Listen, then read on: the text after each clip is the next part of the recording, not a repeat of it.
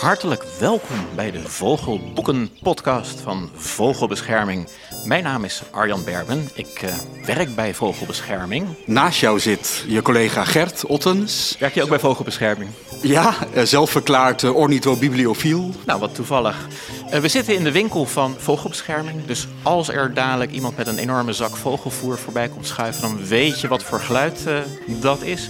We gaan het vandaag hebben over het boek De Kanoet. En wel met de auteur Rob Buiterer.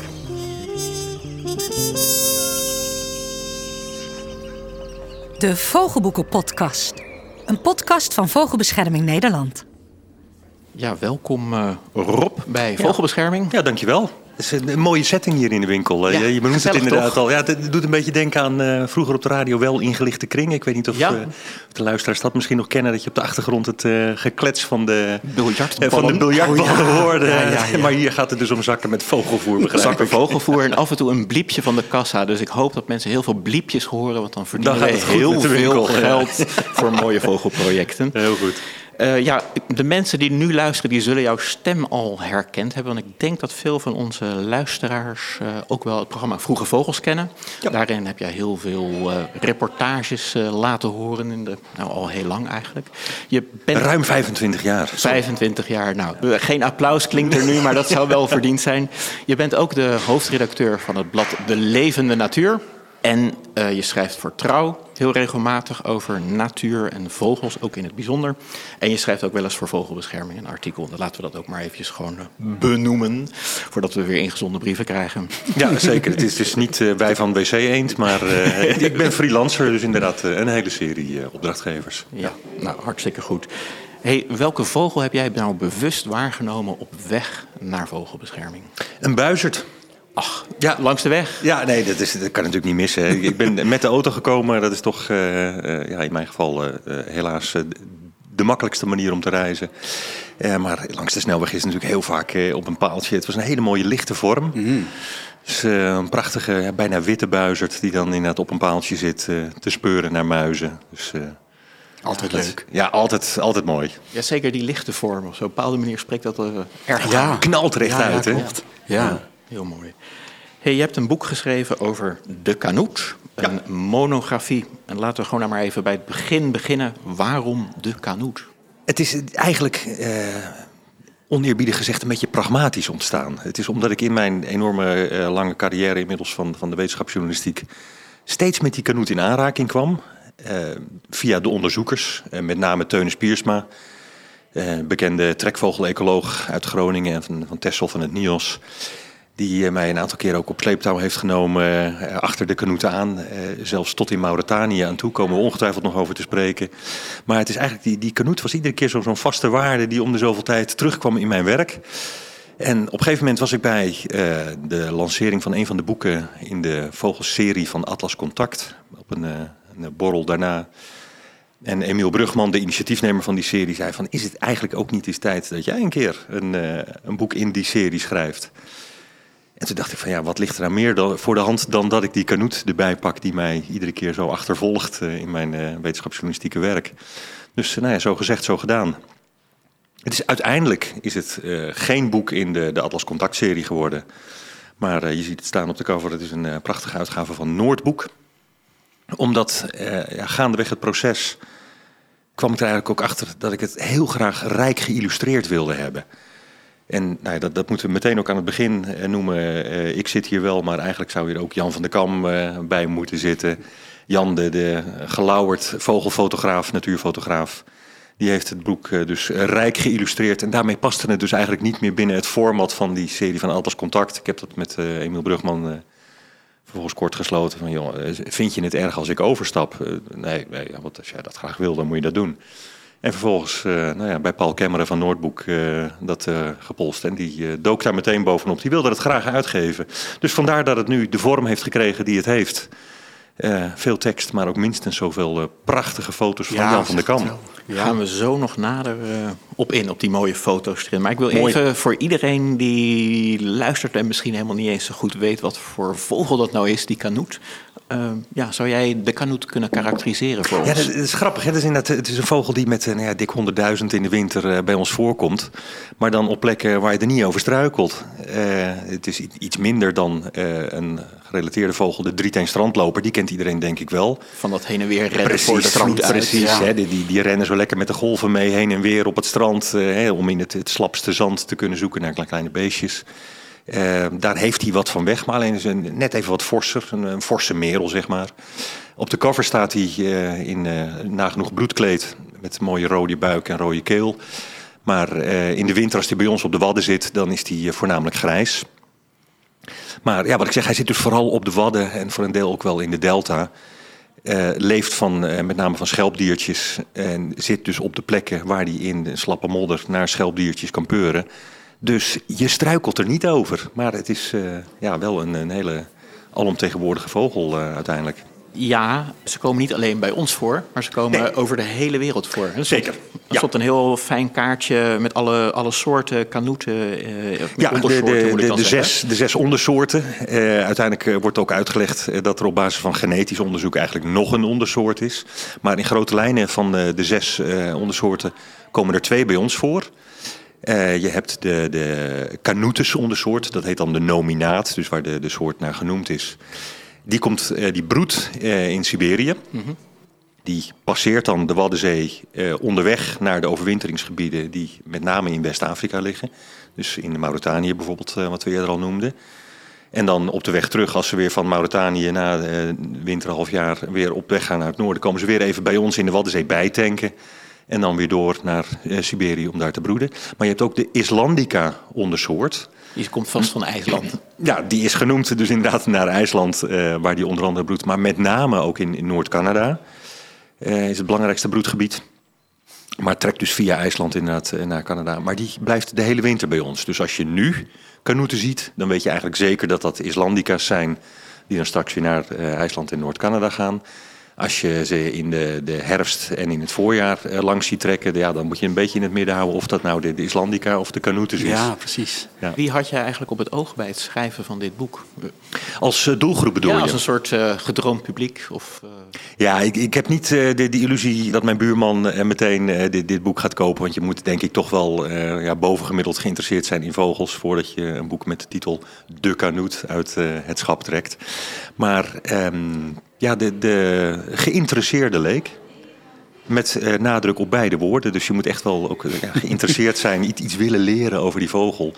Maar ook de, de leek, dus eh, de, de groene leek, die nou ja, wel groen van hart is, maar nog niet zoveel daarvan weet. Ergens in het begin van het boek staat dat je het boek geschreven hebt op de bagagedrager van onderzoekers. Dat vond ik een mooie, mooie zin. Ja, Eh, ja, dat maar, is het. maar wat bedoel je ermee? Ja, dat is een, een term die, die eigenlijk komt uit een, eh, een interviewserie die ik ooit ook eh, voor uh, Zoveel Nieuws eh, heel lang heb gemaakt. Daar, daar riep ik ook altijd van ja, ik zit eigenlijk op de bagagedrager eh, van de onderzoekers. Dus ik, ik pretendeer op geen enkele manier dat ik eh, deskundig ben hierin. Dus ik reis letterlijk mee met de echte deskundigen, met de Teunis Piersma's, de Jan van Geelsen, de Eva Cox van deze wereld. Dus ik spring bij hun op de fiets om van hun te horen hoe het zit. En ik ben slechts de intermediair die dat uh, vanaf de bagagedrager doorgeeft. Dus daar uh, komt die term eigenlijk een beetje vandaan. Oké.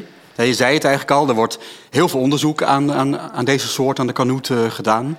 Waarom is dat? Ik bedoel, waarom juist deze soort? Waarom zijn zoveel onderzoekers met deze soort uh, bezig? Ja, dat, dat heeft verschillende redenen. En, en een van de belangrijke redenen is dat hij zich uh, ook heel makkelijk in gevangenschap laat houden. Oké. Okay. Dus op het moment dat jij uh, ergens op de Waddenzee een mistnet opzet, zo'n heel dun net, wat, wat zeker als er geen volle maan is, door de vogels niet makkelijk wordt gezien. En ze trekken dan met het opkomende water trekken ze mee. En dan, nou, dan staat daar ineens een net en hup, heb jij een aantal kanoeten gevangen. Uh, dan uh, denken ze eventjes van uh, shit, wat gebeurt me nou? Maar als je ze vervolgens dan naar een volière of een, een, een vliegkooi verplaatst, bijvoorbeeld op het, uh, het onderzoeksinstituut NIOS op Texel. Ja, dan zijn ze eventjes dat ze de, waarschijnlijk de balen ervan hebben. Maar binnen de kortste keren gaan ze zich ook weer gedragen zoals ze zich in de natuur gedragen. Ze gaan voedsel zoeken in, in bakken met zand of ze eten zelfs uitgepulkte schelpdiertjes uh, uit een, een, voerbakje. Dus ze laten zich heel makkelijk in gevangenschap houden. En die, die, onderzoekers kunnen daar vervolgens ook heel mooie experimenten mee doen. Ik, ik noem maar een dwarsstraat als je wil onderzoeken uh, hoe diep kan die wel of niet schelpjes in een bak zand vinden. Dan kan je dat, dat experimenteel, kan je dat daar in zo'n volière kan je dat testen. Je zet de twee bakken zand neer, de een met de schelpen wat dieper en de andere wat minder diep. En je kan gewoon echt experimenteel kijken van weet hij het nog wel of niet te vinden. Dus dat is denk ik een hele belangrijke reden. Een makkelijke soort eigenlijk. Het is een makkelijke soort, precies. Ja. Dus uh, noem een andere dwarsstraat. Als je een, een rosse grutto bijvoorbeeld uh, zou vangen en op die manier zou behandelen, die, die zou zich van de stress binnen de kortste keer uh, tegen de wanden van de kooi kapot vliegen. Dus ja, niemand wil dat. Nee. Dus dat is automatisch dan dus ook geen makkelijke soort om, om onderzoek mee te doen. Maar ik denk dat dat een hele belangrijke reden is waarom de kanoet ehm, ja, dus, uh, geliefd is ook bij onderzoekers. Ehm, ik, ik, ik, heb het ook wel genoemd, uh, ze zijn uh, dus proefkonijn, maar ze zijn ook een, een, een kanarie eigenlijk. In de kolenmijn. Een kanarie in de kolenmijn, precies. Dus het, het zijn vogels die door hun gedrag, door hun voorkomen, duidelijk alarmbellen laten rinkelen. Want als er iets in, in het Arktisch gebied aan de hand is met opwarming, en nergens gaat de opwarming van de wereld zo snel als in het Arktisch gebied, mhm. dat merk je in het gedrag en in de voortplanting van de kanoeten. Dus eh, ze zijn niet alleen een mooi proefkonijn, ze zijn ook een hele eh, bruikbare kanarie om ons te wijzen op wat er in de wereld aan de gang is. Ja, precies. Je moet er wel bijna de halve wereld voor rondreizen om ze te kunnen onderzoeken. Want ja. in, nou, je hebt het zelf al gehad over Mauritanië. Dat is een belangrijk gebied daar, wat vaak in het boek wordt genoemd, is de Bank d'Arguin. Ja. Jij bent daar geweest. Uh, ik helaas nog niet. Uh, maar kun je daar iets over vertellen? Wat is dat voor? Is, is, het, een, is, het, een, wadden, is het een Waddenzee? Is ja, het een... om, om, te beginnen, uh, niet om je jaloers te maken, maar de, als je een excuus kan vinden om erheen te gaan, moet je daar echt naartoe gaan. Want het is, het is zo bijzonder. Ja, het is, je, je rijdt vanaf de, de hoofdstad Nouakchott rijden een aantal uren over de enige snelweg, zeg ik met hele dikke aanhalingstekens, rij je richting het noorden en dan op een gegeven moment sla je linksaf. Dan denk je van, ja, waarom slaan we hier nou linksaf? Het is gewoon alleen maar woestijn. Maar goed, je, je chauffeur weet dat daar ergens een paar uur verderop ligt Iwik, een heel klein vissersdorpje, wat je dus bereikt door de woestijn. En dan na alleen maar zand, zand, zand, zand, zand en af en toe een kameel kom je daar ineens, paf, ligt daar een, een waddenzee voor je. Met eh, nou ja, het mooie diepgroen van het zeegras, wat wij hier ooit ook hadden, mm. maar wat daar nog steeds is.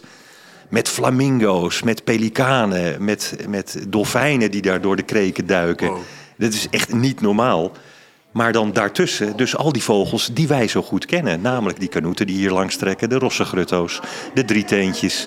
Drieteen strandlopers moet ik officieel zeggen, sorry. dus je, je, ziet daar een prachtige mix van onze vogels uh, in, een, in een tropische setting. In een gebied wat, wat nog ja, uh, vergeleken bij onze Waddenzee relatief rijk is. Niet alleen aan zeegras, maar ook aan schelpdieren in, in de bodem. Hoewel, nee goed, daar komen we ongetwijfeld ook nog over te spreken. Eh, daar ook wel de nodige veranderingen aan de gang zijn. Maar ja, die, die setting, dat, dat winterkwartier van die kanoet, dat is zo geweldig om mee te maken. Vooral als je dan dus weer eh, op de bagagedrager van die onderzoekers zit. Die daar al dat mooie werk eh, doen. Dat, dat ja. veldonderzoek aan die kanoeten. Fantastisch. Ja. ja, diezelfde onderzoekers, of misschien eigenlijk hun voorgangers, die ik geloof meerdere decennia geleden, die kwamen erachter dat die Bank d'Arguin inderdaad gewoon een heel belangrijk wintergebied is voor heel veel steltlopers bijvoorbeeld. Ja. Ik geloof dat er, wat was het nou, iets van, van 2,5 miljoen vogels die, die wel overwinteren. Ja. ja, precies. Maar in het boek heb je, heb je het ook over het raadsel van de Bank d'Arguin. Kun je daar iets over zeggen? Ja, de, de riddle of the Bank d'Arguin noemen de, de onderzoekers dat in de internationale literatuur. Um, dat is uh, dat waanzinnige aantal vogels. Dat konden ze eigenlijk niet goed matchen met de hoeveelheid voedsel die ze daar uh, uh, meten. Oké dus ik, ik zeg net wel, het is een stuk rijker dan onze eigen Waddenzee. Maar toch, als je gaat, gaat meten hoeveel uh, schelpdieren zitten er nou in de bodem... hoeveel uh, visjes, hoeveel uh, garnaaltjes, nou, noem alle potentiële voedselbronnen maar op... dan konden die onderzoekers dat, dat niet goed matchen van hoe nou het een met het ander samenhangt. Hoe, wat, wat is de draagkracht van dat gebied? Hoe kun je verklaren dat er zo waanzinnig veel van die trekvogels daar overwinteren? En ja, de, de, de oplossing voor dat raadsel is dat het een, een super delicate balans is. En dat het echt een beetje op de grens van, van de mogelijkheden uh, leeft. Ah, oké. Dus um, ja, op het moment dat daar uh, veranderingen in dat gebied uh, plaatsvinden, bijvoorbeeld door de ja, toch wel net te intensieve visserij die er ook net tegen het gebied aan en ook soms ook zelfs in het nationaal park worden ook haaien en roggen ook wel uh, gevangen. Ja, ja, dat, dat zet het, het ecosysteem op zijn kop. Dat heeft uh, tot op de, de, basis van dat ecosysteem in, in de schelpdierpopulaties heeft dat invloed. En dat heeft dus ook weer invloed op die kanoet. Dus je ziet op het moment dat de, de schelpdieren achteruit gaan, dat die, dat die kanoeten het echt lastig krijgen. En zelfs moeten overschakelen op een vegetarisch dieet van knolletjes van zeegras. En het daarmee ook moeilijker krijgen om vervolgens weer de broedgebieden in het Hoge Noorden te kunnen bereiken. Ja. Dus het is echt een hele delicate balans waar uh, die vogels daarin in leven. Ja, die, ik las in het boek, die balans die gaat zelfs nog zo ver dat een, nou, de kanoeten, hun voedsel, zeegras en zelfs nog bepaalde bacteriën, dat dat allemaal nog weer ja. In elkaar grijpt en dus ook daarmee ook heel kwetsbaar is. Maar kun je daar nog iets over zeggen, over die over ja, die giftige schelpen. Ja, precies. En... Een, een, van de mooie onderzoeken uh, wordt gedaan door uh, Hassan El Hassan, geboren Mauritaanse bioloog die uh, inmiddels in Groningse dienst is. En die heb ik daar ook aan het werk gezien terwijl die onderzoek deed naar het, het, prikken van vogels in de bodem om schelpdiertjes te, kunnen, te kunnen vinden. En hij vroeg zich af van ja, wat is nou de, de invloed van al dat geprik in de bodem op het ecosysteem? En dan komt hij er dus achter dat zonder dat geprik in de bodem krijg je geen ontluchting bijna van de bodem en van de giftige gassen die daar ophopen door bacteriën die in de bodem zitten. Waardoor zelfs het zeegras eh, minder goed gaat groeien. Dus de vogels faciliteren met hun geprik in de bodem dat het giftige gas wat door de bacteriën wordt eh, geproduceerd, dat dat ontsnapt en dat het zeegras kan blijven groeien. Oh, wow. Dus, dus zo uh, Ze zijn echt allemaal van elkaar afhankelijk. Precies, het zit echt helemaal... Symbiose. Precies, helemaal verweven met elkaar. Uh, het, het, het, microbiële leven, de, de, wortelknolletjes van het zeegras, de schelpdieren en de vogels. Dat leeft echt in een hele delicate balans met elkaar. Ja, bijzonder. Ja. Een van de andere ja, opvallende dingen die ik zelf tegenkwam, dat is misschien iets waar sommige mensen, mannen vooral, van dromen, is dat er een, een, een vrouwenoverschot, of een, met andere woorden een mannentekort ja, is mannentekort, in de, ja, in de. Ja. Hoe, hoe, is dat zo ontstaan? Of ja, hoe... dat is, een, dat is een, flink lastiger dilemma. Oké. Okay. Uh, het andere verhaal kan ik redelijk waterdicht uh, uitleggen hoe het zit. Maar uh, voor dat mannentekort gaan we toch naar de, de broedgebieden, want daar in de Arctis, daar, in de Arctis daar ontstaat dat waarschijnlijk. Er is een, een andere Groningse onderzoeker die, die ooit bij torenvalken heeft uh, onderzocht dat uh, vroege vogels de, de meeste uh, zonen krijgen. Vroege vogels krijgen zonen, was zijn stelling. dat is waarschijnlijk ook bij kanoeten aan de gang. Dat is niet op de reptiele manier dat, dat het met temperatuur, Temperatuur, samen... ja, bij een bepaalde temperatuur worden er meer mannen geboren... en bij een andere temperatuur meer vrouwen. Wat natuurlijk al... nou ja, op zich al bizar is. Echt totaal bizar. Ja. Bij de vogels loopt het waarschijnlijk niet langs die lijnen. Maar heeft het te maken met dat eh, mannetjes die, die eerder geboren worden... ook eerder aan het voortplantingsproces mee kunnen doen. Dus eh, mannetjes, eh, mannelijke kuikens die, die vroeg in het seizoen uit het ei komen... die hebben net zo'n voorsprong dat ze het volgende seizoen al mee kunnen doen aan de reproductie. Dus dat is de verklaring waarom vroege vogels zonen krijgen... Alleen die kanoet die komt door de verandering van het klimaat eigenlijk steeds vaker te laat. Dus de kanoet is uh, ja, relatief gezien in het, in het Arktisch gebied zeker geen vroege vogel meer. Hij, hij loopt een beetje achter de feiten aan. De temperatuur is daar gemiddeld al uh, nou ja, drie keer zoveel gestegen als wereldwijd. Mm. Dus de, de sneeuw smelt eerder. De insecten komen eerder uit de bodem. Het seizoen is daar eigenlijk al ver op gang. Op het moment dat de kanoeten volgens hun redelijk vaste reisschema daar aankomen. Ze passen het wel een klein beetje aan, maar niet voldoende om mee te kunnen gaan in die enorme snelle klimaatverandering die we nu meemaken. Dus dat is een beetje de, de idee achter waarom er nu een, een mannentekort Ja. lijkt te zijn in de kanoetenwereld. Maar waterdicht is dat verhaal ook zeker niet. Dus het, het is eh, Wel erg interessant. Absoluut. Ja, wat vond je eigenlijk het mooiste en belangrijkste onderzoek aan die hè? Want je hebt echt veel onderzoekers gesproken. Dat, dat is wel duidelijk in, in je boek. Maar wat, wat vond jij zelf het mooiste of het belangrijkste onderzoek wat je bent tegengekomen? Ja, dat is altijd een lastige vraag. Hè, van, Het het, mooiste. het mooiste, het Ja. belangrijkste. Ja. Ehm, het, het mooiste van het werk aan dit boek vond ik uiteindelijk niet de kanoet, maar de bevlogenheid van de mensen.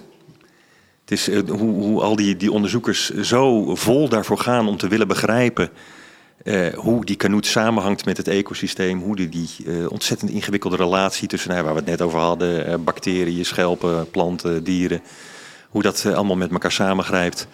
Maar ja, vooral die, die wil om dat te willen begrijpen. En ook dat verhaal van die kanoet te willen vertellen. Want inmiddels is dat dus ook, ja, denk ik, een stap verder gekomen. Inmiddels is er in Leeuwarden een, een soort dependance ontstaan van de Rijksuniversiteit Groningen. Dat centrum heet Bird Eyes. En dat pretendeert dus ook echt letterlijk te doen wat de naam suggereert. Dus naar de wereld te kijken door de ogen van de vogel.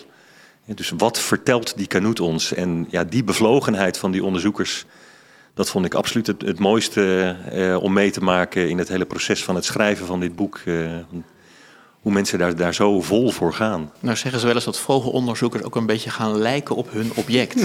Heb jij daar ook iets van meegekregen? Uh, zijn ze steltloperig, die uh, kanoetonderzoeker? Nou ja, het is wel grappig dat Teunus Piersma die, die schrijft in zijn voorwoord dat hij net al, al zo lang in die wereld van, van steltloperonderzoekers uh, rondloopt.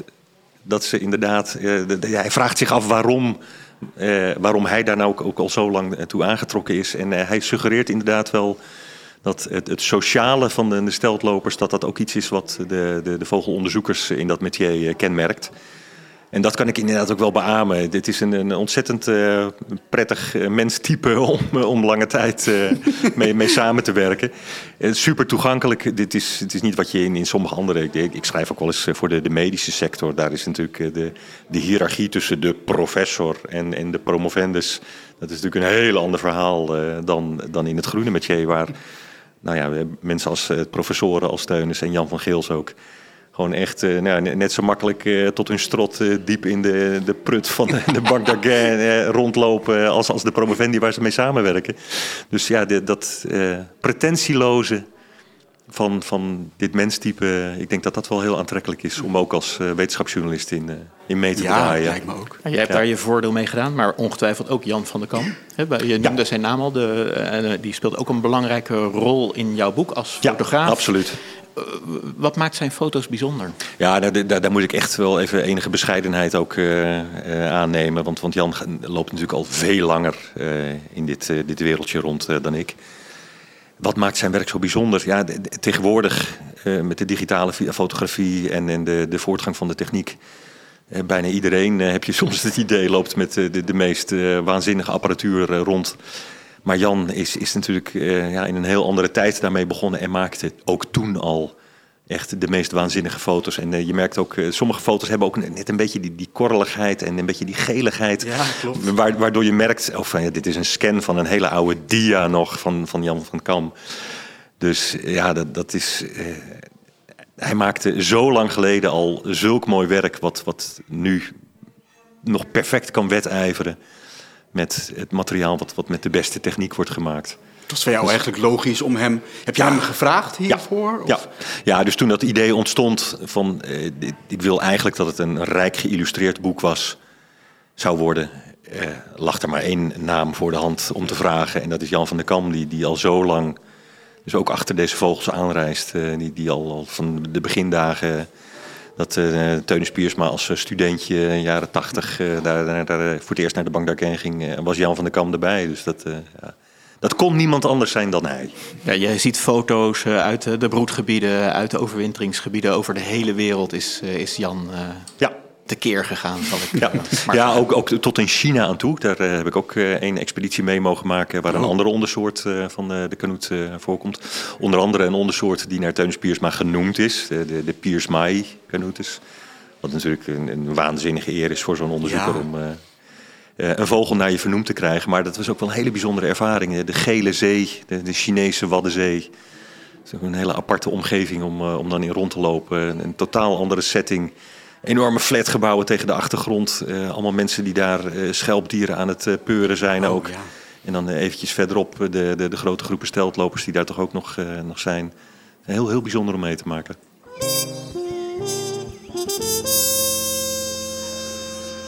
Het favoriete vogelboek nou Rob, voor de draad ermee, wat is jouw favoriete Het favoriete vogelboek? Ja, dan kom ik dus toch terug bij uh, de serie waar eigenlijk dit boek in eerste instantie voor uh, bedoeld was. De, de, de, serie van Atlas Contact. Nou ja, ik, ik, zou bijna zeggen dat ik daar een klein beetje een haat-liefde verhouding mee heb. Want het, het is... Uh, de serie is, is, vind ik, nou ja, laat ik het gewoon maar voor de draad ermee, wisselend van, van, Oh, eh, ja. van, van vorm en. en, Vind ik en het, is, eh, de, het gaat van, van onderzoekers die heel diepgravend ermee bezig zijn, tot eh, journalisten als eh, collega Koos Dijksterhuis, die de, de zwarte specht en de spreeuw heeft beschreven. Dit is, het is een heel, heel erg wisselende serie. Maar de, het boek wat voor mij met kop en schouders daar bovenuit steekt, is De Koekoek van Nick Davies. Oh ja. Het komt misschien ook een beetje omdat ik hem ooit heb mogen interviewen. Een, een super innemende Engelse onderzoeker. Eh, Een hele beleefde, nou ja, echt eh, wat je je voorstelt bij een, een, eminente Engelse vogelonderzoeker. Een heel, heel maf interview, want hij bezocht ooit de, de landelijke dag van Sovon. En ik, nou ja, dit was de enige manier om het in zijn drukke schema te persen. Was dat ik hem zou ophalen op Schiphol. Ik heb mijn recordertje achter de zonneklep van de auto geklemd. En op de weg van eh, Schiphol naar Ede heb ik hem geïnterviewd. Dus ja, op het moment dat je iemand persoonlijk kent, maakt dat natuurlijk ook eh, de, drempel ook weer een heel stuk lager. Maar ja, de manier waarop hij de koekoek heeft geschreven als een geweldige wedloop tussen koekoek aan de ene kant, eh, maar ook de, de, de slachtoffers tussen aanhalingstekens van de koekoek, de, de, de karakieten en noem ze allemaal maar op, waar de koekoek zijn, zijn ei in het nest wil dumpen. Die hebben allebei zo hun strategieën om eh, het ei erin te krijgen of ja, eh, aan de andere kant het, het ei eruit te werken, of, maar, maar niet te laagdrempelig te willen zijn om een ei eruit te werken. Want voor je het weet, eh, gooi je je eigen ei eruit of, of verlaat je je eigen nest. Terwijl er eigenlijk helemaal niks raars in de hand, aan de hand is. Alleen maar een, een klein afwijkend vlekje waardoor die karakiet denkt van... hé, misschien is dat wel een koekoekei. Hè, dus die, koekoek, of die, die karakiet die moet ook niet te laagdrempelig worden... in het verlaten of het verwijderen van eieren. Dus ja, Nick Davies beschrijft dat op zo'n prachtige Ja. manier... Die, die wapenwedloop tussen die twee eh, vogelgroepen. Ik vind het ook wel de betere in de, in de beste, of de, ja, misschien wel de beste in de serie, inderdaad. Jij bent ja. dat als ornithobibliofiel met mij eens? Ja, zeker, zeker. Gewoon, Dank je.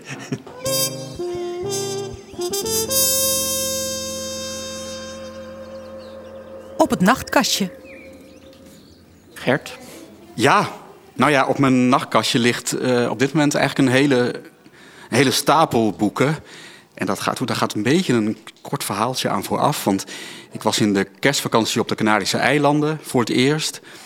En daar heb ik allerlei nieuwe soorten gezien. Vogelsoorten die ik nog nooit eerder heb gezien. De de reden daarvoor is ook omdat veel van die soorten ook alleen maar op de Canarische eilanden eh, voorkomen. Zogenaamde endemen.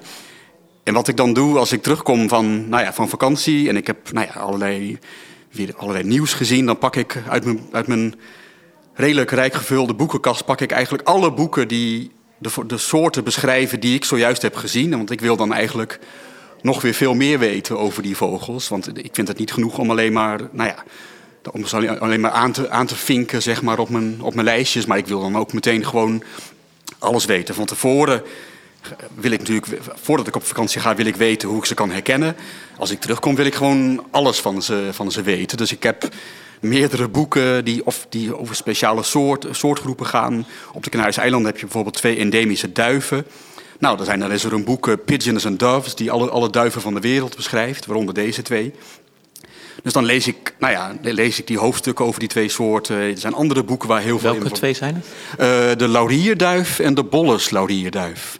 En ja, dat zijn echt prachtige beesten. Vooral die laurierduif is echt een hele mooie, bijna dieprooie, paarse duif... die echt eh, ook vrij zeldzaam is. Maar eh, gelukkig heb ik er een, een paar heel, heel mooi van, van kunnen zien.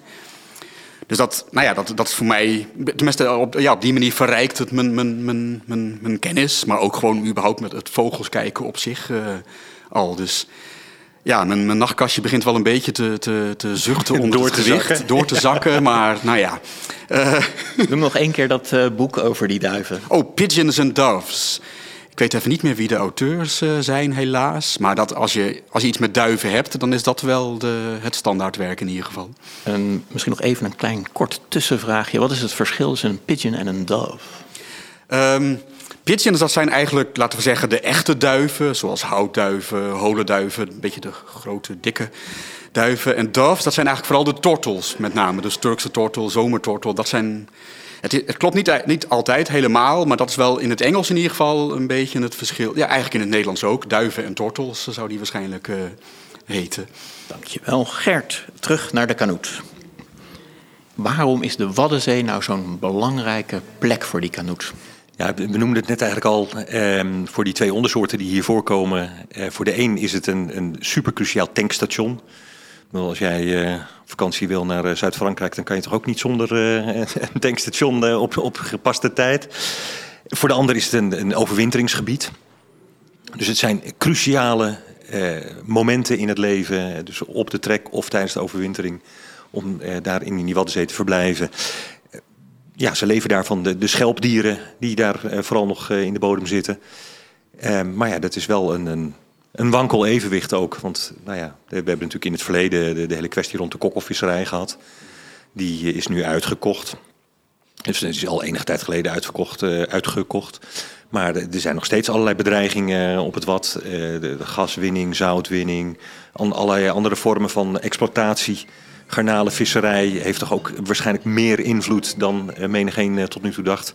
Kijk, terwijl we nou weer de, de, virtuele biljartballen op de achtergrond eh, in de winkel horen. We hebben een beller. we, we hebben een beller. Ja, er wordt niet ingebeld in deze podcast, geloof ik. Hè? Nee, nee, een, een felle tegenstander of zo waarmee je onverwachts Ja, confronteren. Kokkelvissen. Nee, maar goed, de, de, de Waddenzee is, is, nou ja, wat altijd wordt gezegd, dat geldt absoluut ook voor de Kanoet. Echt een cruciaal tankstation op de reis en als, als ook verblijfplaats in de winter.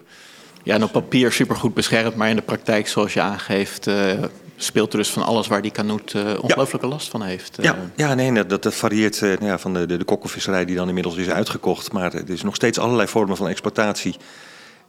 Er wordt nu ook in, in de politiek nog steeds volop gediscussieerd of er nou wel of niet gaswinning bij het Friese Ternaert eh, moet gaan komen.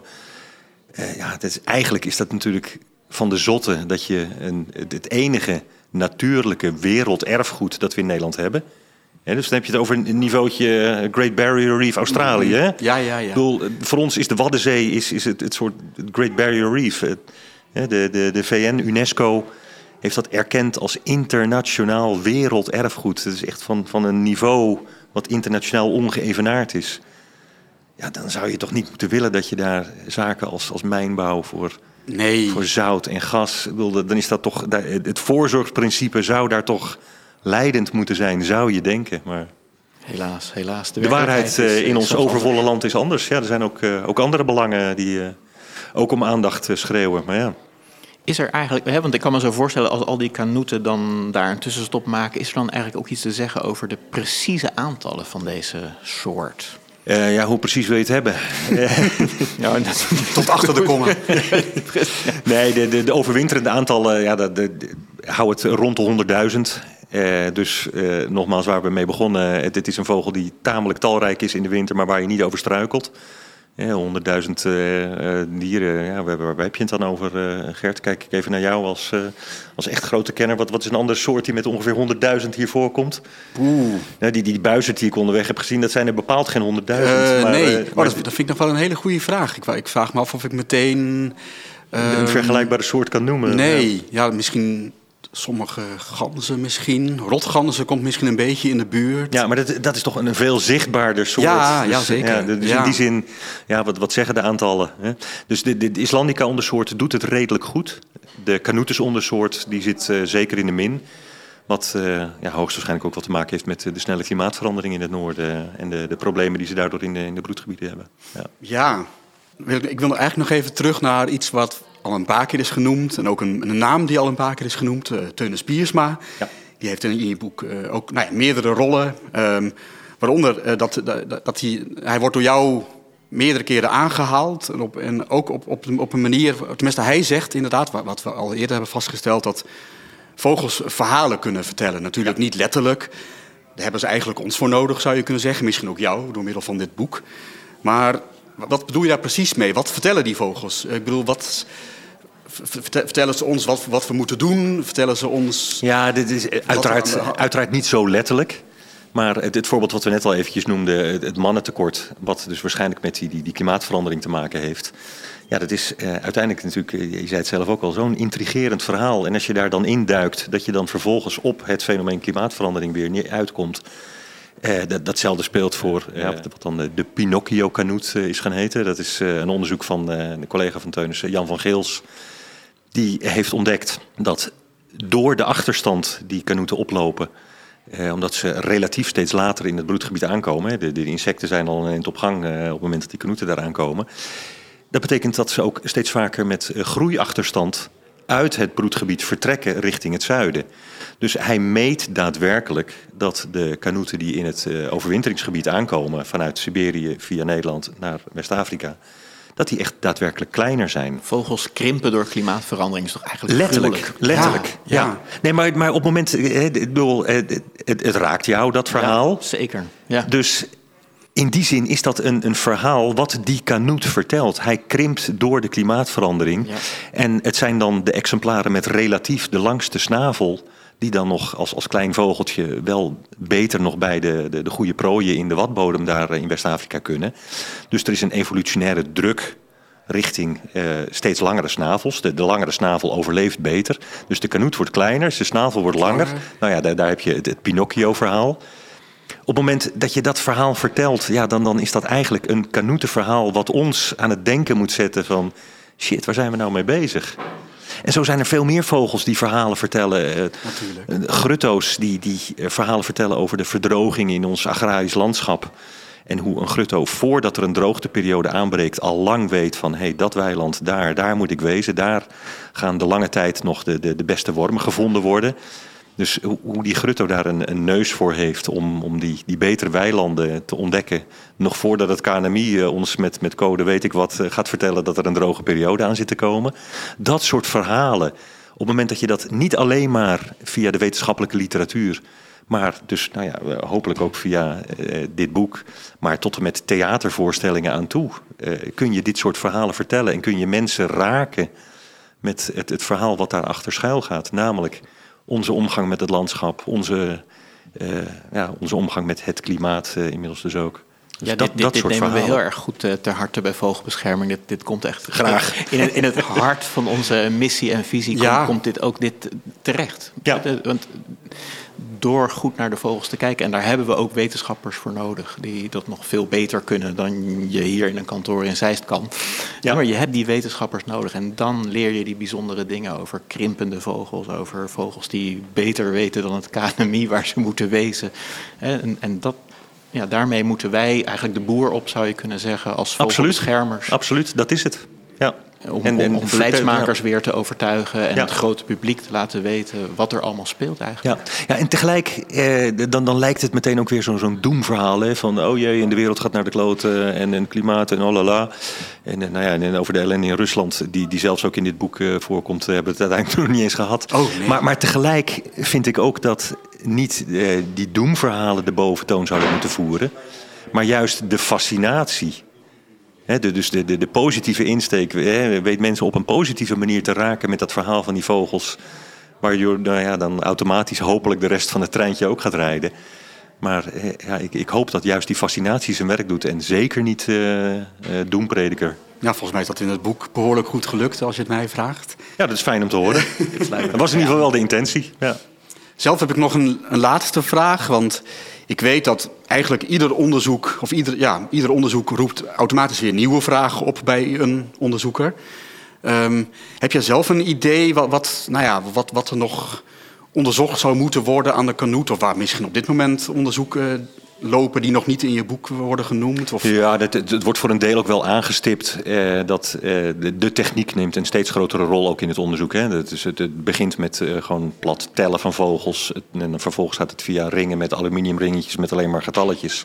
Via gekleurde ringen tot nou ja, uiteindelijk zendertjes. En die zendertjes die worden net als onze computers thuis eh, steeds goedkoper en steeds kleiner. Dus je kan tegenwoordig al de meest waanzinnige elektronica meegeven aan steeds kleinere vogels. Dus ik, ik denk dat een, een deel van de toekomst eh, van het onderzoek zal, zal daarin zitten. Hè, er wordt bijvoorbeeld nu met, met hele kleine radiozendertjes, eh, net een gram zwaar. Het, het is echt niet voor te stellen. Voorstellen, nee. Wordt met een resolutie van, van letterlijk tot op de seconde en tot op de meter nauwkeurig kun je vogels volgen van welke gebieden gebruiken ze in het wat om, om hun voedsel te zoeken. Waar zitten precies de beste schelpen? En dat kan je dus nou ja, tot op het randje van de zandplaat kan je dat eh, herkennen van wat wel of niet goede gebieden zijn. Dus ik denk dat die techniek eh, zeker een rol gaat, Ja. een steeds belangrijke rol gaat spelen in de toekomst. Maar dat gezegd hebbende, ook dat, dat, dat veldwerk, dat poten in de klei, Dat gewoon kijken van wat betekent dat bliepje wat nou op mijn computer binnenkomt en wat zegt dat die kanoet daar zit. Je zal toch altijd moeten gaan kijken Ja. ook wat betekent dat in het veld. En, dus ja, en dan kom je ook weer terug op die fascinatie. Ik denk dat je dat altijd zal moeten blijven voeden. Dat het nooit een, een 100% high-tech onderzoek zal worden. En nou ja, we noemen net al heel even Rusland. Het is misschien een beetje een, een zijsprong. Maar eh, dankzij die techniek blijft het nu ook wel mogelijk. Want ja, eh, voor de onderzoekers eh, reizen naar de broedgebieden zitten natuurlijk nu niet in. Althans, eh, voor, zover- voor zover het de Canutus-ondersoort eh, betreft. Want die liggen in Rusland. Die liggen in Rusland, dus eh, ja, dat, daar krijg je geen visum meer voor, al zou je het willen. Eh, maar dankzij de, de elektronica kunnen we dus eigenlijk toch nog tot met een behoorlijk hoge nauwkeurigheid zien wat daar in Siberië gebeurt met die kanoeten. Je, je ziet dat ze steeds verder naar het binnenland trekken, steeds hoger de, de heuvel op, omdat het daar nog koud genoeg is en dat ze daar op de grens van sneeuw en dooi nog wel op tijd zijn om bij die insectenpiek te kunnen straks voor hun kuikens. Dus ja, dat, eh, ook al kunnen we niet naar, eh, naar Rusland toe. De, de vogels vertellen ons nog steeds wel dat verhaal daar. Ja, oh, dat, ja, dat is wel de rode draad in dit hele Absoluut. gesprek en in het boek ook, eh, denk ik. Absoluut. Dankjewel Rob voor de mooie toelichting op jouw boek De Graag Kanoot. En ik hoop dat zoveel mogelijk mensen dit boek gaan aanschaffen en gaan lezen. Ik dank ook de luisteraars. Volgende keer eh, gaan we het hebben over Stellar.